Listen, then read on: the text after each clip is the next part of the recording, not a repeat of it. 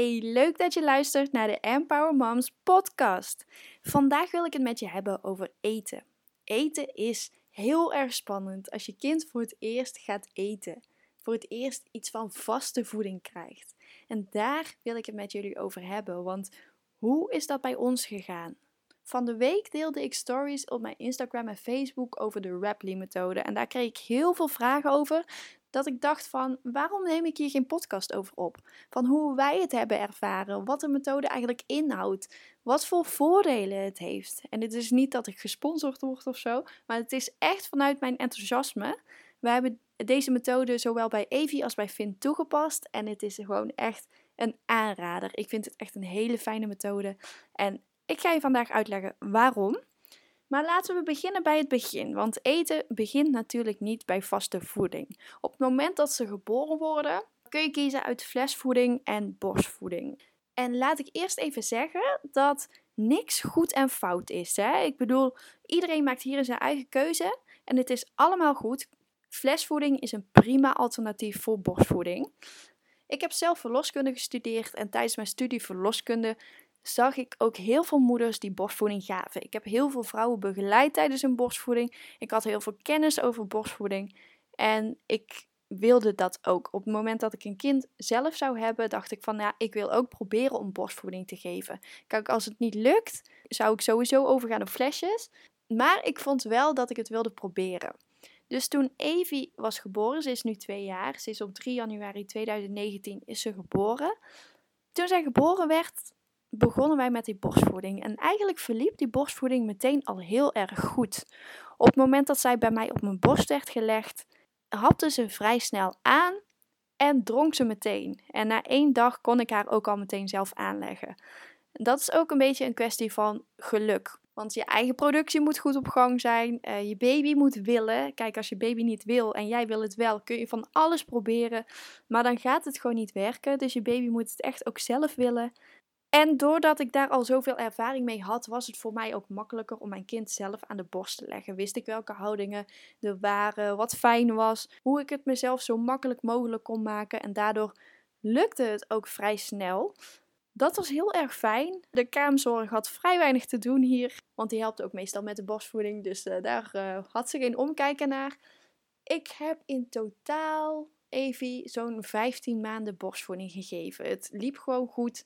Het was echt ons momentje. Ik kon er heel erg van genieten en ik merkte dat Evie het zelf ook heel fijn vond. Totdat ze begon te bijten. En toen dacht ik van nee, als jij gaat bijten, dan stoppen we ermee, want dit is niet de bedoeling.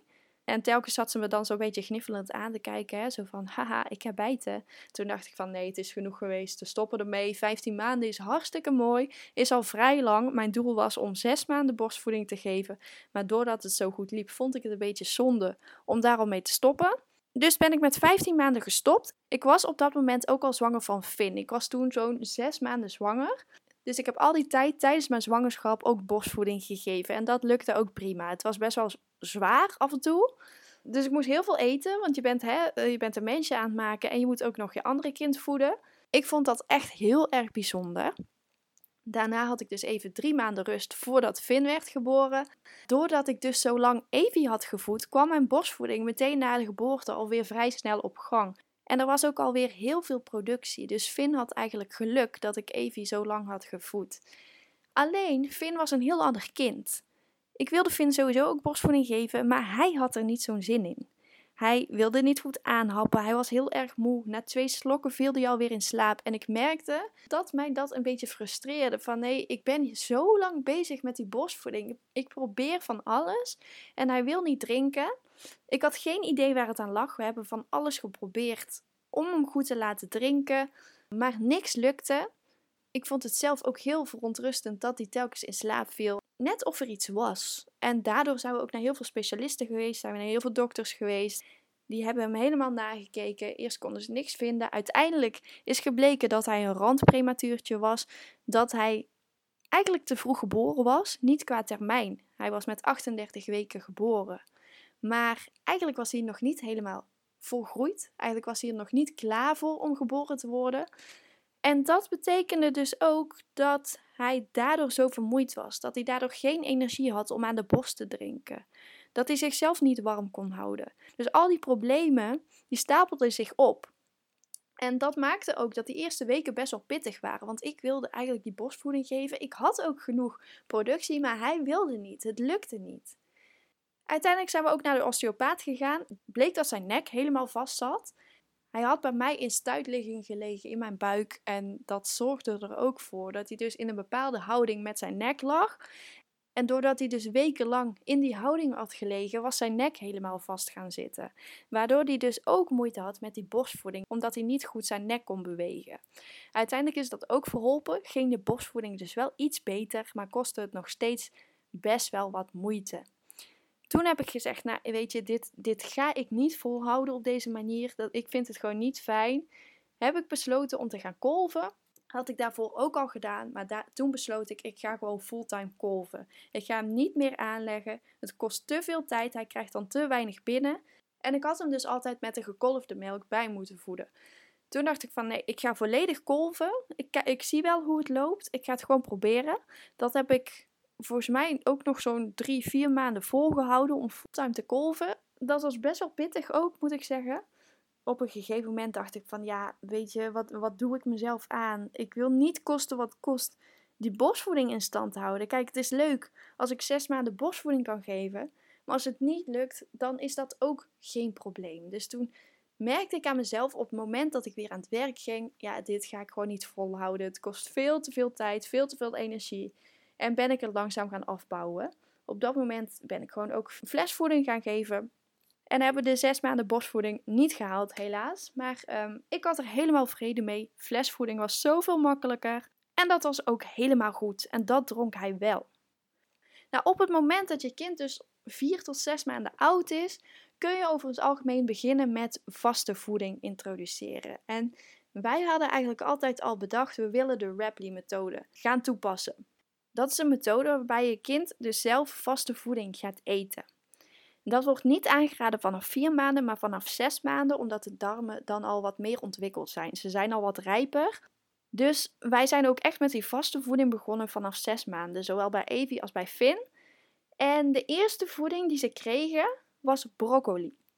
En broccoli is gewoon een, een, een makkelijk verteerbare groente. Dus wij hebben gewoon een paar stronkjes hebben wij heel zacht gekookt en dat hebben we gegeven.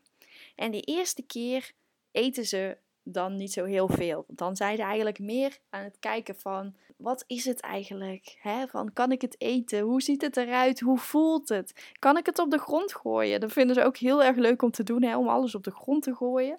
Dus die eerste dagen komt er eigenlijk nog niet zo heel veel eten binnen. Maar dat is ook helemaal niet erg. Hè? Heel veel moeders vinden dat een beetje spannend. Krijgt mijn kind dan wel voldoende eten binnen? Maar het is nog niet nodig, omdat hij die borstvoeding of die flesvoeding erbij krijgt. En bied het ook regelmatig aan. Bied hetzelfde regelmatig aan. Het is echt de kracht van herhaling. Als ze het in het begin niet heel lekker vinden, bied het gewoon regelmatig aan. Een stuk of drie, vier, vijf keer. En dan gaan ze het vanzelf lekker vinden. Wij hebben de broccoli gewoon een paar dagen achter elkaar aangeboden. Dan wennen ze eraan, wennen ze aan de smaak. En dan krijgen ze vanzelf ook wat meer binnen. En daarna kun je ook beginnen met andere voedingen. Avocado bijvoorbeeld, of banaan. Alles wat zacht is en wat makkelijk te eten is. Er is een voedingslijst waarop staat wat je per leeftijd precies mag eten. Dus vanaf 6 maanden welke voedingsmiddelen mag je met deze methode aan je kind geven. Vanaf 7 maanden, 8 maanden, 9 maanden. En telkens komen er dan meerdere voedingsmiddelen bij. Juist ook hè, doordat de darmen wat rijper zijn en ze wat betere dingen kunnen verteren. Dus dat is eigenlijk wel heel erg leuk om zo mee bezig te zijn. En het is ook heel erg leuk om te zien, tenminste ik vond het zelf heel erg leuk, om telkens wanneer je weer iets nieuws aanbiedt, dat ze echt gaan kijken van, oh wat is het? Hoe ziet het eruit? En dat, dat ze echt heel het eten gaan ontleden van, uh, wat is het precies? Het is zo mooi om te zien dat ze zich daar echt heel erg bewust van zijn. Van hé, hey, het is weer iets anders. Een komkommertje voor het eerst. Haal dan wel de randjes eraf bijvoorbeeld. Hè? Dat, is wat moeilijker te eten. Maar een komkommertje, van hoe gaat dat? En als ik mijn duim erdoor steek, weet je wel, oh, dan komt mijn duim er aan de andere kant uit. Dan heb ik die komkommer om mijn duim zitten. Weet je, dat is zo grappig om te zien. En ik vond het zelf ook heel erg fijn dat ze dus gewoon mee kunnen eten met wat jij eet. Als jij bijvoorbeeld een keer bloemkool eet of jij eet een keer uh, worteltjes. Dan kun je je kind dat geven en dan kunnen ze het gewoon zelf eten. Dus je bent niet tijdens het eten bezig met je kind een potje geven. Mijn kinderen hebben nog nooit een potje babyvoeding gegeten. Ik heb het zelf wel eens geproefd, want mijn man is een keer geopereerd aan zijn kaak. En toen moest hij dus heel veel gepureerd eten. En toen dachten we, nou, we halen gewoon van die babypotjes. Toen hebben we het dus zelf geproefd. En toen kwamen we erachter van, oh, het is echt niet lekker. Het is, het is zo vies om te eten. Dat wil ik mijn kind sowieso niet aandoen. Als ik het zelf niet zou eten, waarom zou ik het mijn kind dan wel geven? Je kind moet nog leren eten. Die moet al die smaken nog leren kennen. En als ik hem dan iets vies voorschotel, ja, dan krijgt hij meteen zo'n negatieve associatie met eten. En ik weet ook, hè, baby's die proeven heel erg goed. En die mogen daarom in het begin ook nog niet zoveel kruiden hebben. Juist doordat hun smaak veel intenser is dan dat wij het als volwassenen hebben. En daardoor is dus alles veel milder van smaak. Maar dan denk ik, weet je, als jij een worteltje geeft, waarom zou je dat niet kunnen geven bijvoorbeeld? Is veel lekkerder dan die gepureerde troep uit babypotjes. Waarmee ik dus niet wil zeggen dat je dit absoluut niet moet geven. Ik vind echt dat iedereen hierin zijn eigen keuze moet maken en dat alles gewoon goed is. Maar ik wilde dit zelf niet aan mijn kind geven, juist doordat ik het zelf echt niet lekker vond en er zelf niet achter stond. Houd er ook rekening mee dat het echt een enorme troep wordt. Kinderen die gooien dus alles op de grond. En vooral als je dan rijst eet, als ze wat, als wat ouder zijn, hè, vanaf negen maanden dacht ik dat ze, dat ze rijst mogen, spaghetti, risotto, dat soort dingen. Dan wordt het een enorme troep. Alles ligt op de grond. Ehm, dus dan is het fijn als je gewoon, uh, ja, als je iets van een zeiltje hebt of zo, dat je het meteen allemaal weg kunt gooien. Want anders ben je dus een half uur bezig met opruimen. Gebeurt mij nog regelmatig dat ik denk van, nou oké, eh, het is één grote bende, heel de vloer ligt vol. Maar weet je, ik vind het zo leuk om te zien dat het me dat echt wel waard is. En dat het geen probleem is om daarna gewoon nog een half uur even alles schoon te maken. Ik zie echt dat Finn en Evie ervan hebben genoten. Ik zou ook een boek aanraden. Eten voor de kleintjes. Van Stefan Kleintjes. Stefan Kleintjes is een lactatiekundige en een kinderdiëtist. En hij heeft dus een boek geschreven over die Rapley-methode. Eigenlijk over de kleintjesmethode. Dat is zijn methode met heel die voedingslijst is onderdeel van die Rapley-methode. De Rapley-methode is echt dus stukken voedsel geven. En vaak ook wel wat grotere stukken. Heel veel ouders vinden dat ook best wel spannend. Want op het moment dat jij dus grote stukken gaat geven, zijn ze bang dat hun kind dat niet aan kan. Dat hun kind daarin gaat stikken. En ik snap echt dat het heel spannend is. Ik had dat zelf in het begin ook. En vooral hè, de mensen die nog nooit van deze methode hadden gehoord. Mijn ouders bijvoorbeeld, die hadden in het begin zoiets van: Oeh, kan dat wel? Kun je een baby wel gewoon een stuk avocado geven? Kun je een baby wel gewoon een, een stuk banaan geven? Dat, dat was best wel wennen in het begin. Maar baby's kunnen dat heel erg goed. Het is gewoon hun natuurlijke reflex om eten naar hun mond te brengen en om een soort van te kauwen. En natuurlijk blijf er altijd bij zitten. Ga niet even naar de wc als jouw kind zit te eten, maar blijf er echt altijd bij. Zodat hè, als die zich verslikt, wat dan ook wel regelmatig voorkomt, maar kinderen kunnen dat heel goed aan. Hoesten is goed. Hoesten is geen reden tot paniek. Hoesten betekent dat ze dus goed in staat zijn om hun eten uit hun keel te halen. Kinderen kunnen dat echt wel aan. En je zult ook zien, naarmate ze het vaker doen, kunnen ze ook veel beter eten. En die hand mondcoördinatie, die leren ze ook heel goed te gebruiken. Wat dus ook ontzettend fijn is. Eigenlijk heb ik alleen maar positieve ervaringen met deze methode. En vrijwel elke maand, hè, dus met zes maanden, zeven maanden, acht maanden, negen maanden, een jaar, anderhalf jaar, ehm, kun je weer voedsel introduceren. Mogen ze weer meer voedsel gaan eten omdat hun darmen wat rijper zijn en ze dus meer aankunnen. Dus zo kun je eigenlijk dat eten een beetje opbouwen. Waardoor ze uiteindelijk dus makkelijk met jou mee eten. Finn is nu 11 maanden en eigenlijk eet hij altijd met ons mee. Met avondeten eet hij altijd met ons mee. Een boterham eet hij gewoon s ochtends middags. Een banaan eet hij tussendoor. Mandarijnen. Uh, hij eet heel veel fruit. Heel veel groenten vindt hij ook heel erg lekker. Komkommers. Eigenlijk is hij de hele dag door aan het eten. En um, krijgt hij precies hetzelfde als Evie en wat wij eten. En natuurlijk houden we daar ook nog wel rekening mee met, met de kruiden die we gebruiken en zo. Het is soms wel even op de lijst kijken, oh wat mag hij wel en wat mag hij nog niet. Bijvoorbeeld prei mag hij nog niet of ui. Dat mag je pas met anderhalf jaar, dus daar houden we dan wel rekening mee met eten. En bijvoorbeeld hè, met, met spaghetti eten, saus uit een potje zit ook vaak heel veel suiker in. En we zorgen er dan voor dat we dat niet bij hem op het bordje doen, maar dat wij dat gewoon op kunnen eten. Dus zo is het eigenlijk een beetje kijken van, ja, wat mag hij?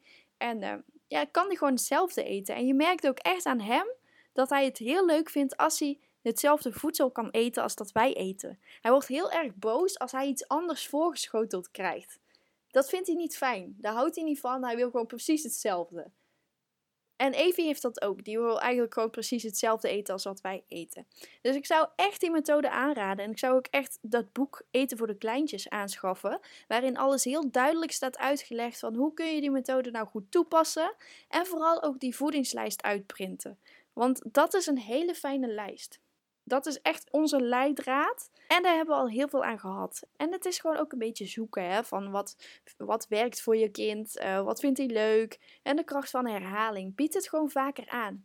En het hoeven allemaal geen kleine stukjes te zijn. Het mogen ook echt wel gewoon, gewoon grotere stukken zijn. Grotere stukken zoete aardappel. Die hij gewoon echt in zijn vuistje kan vasthouden. En waar hij dan stukken van af kan bijten.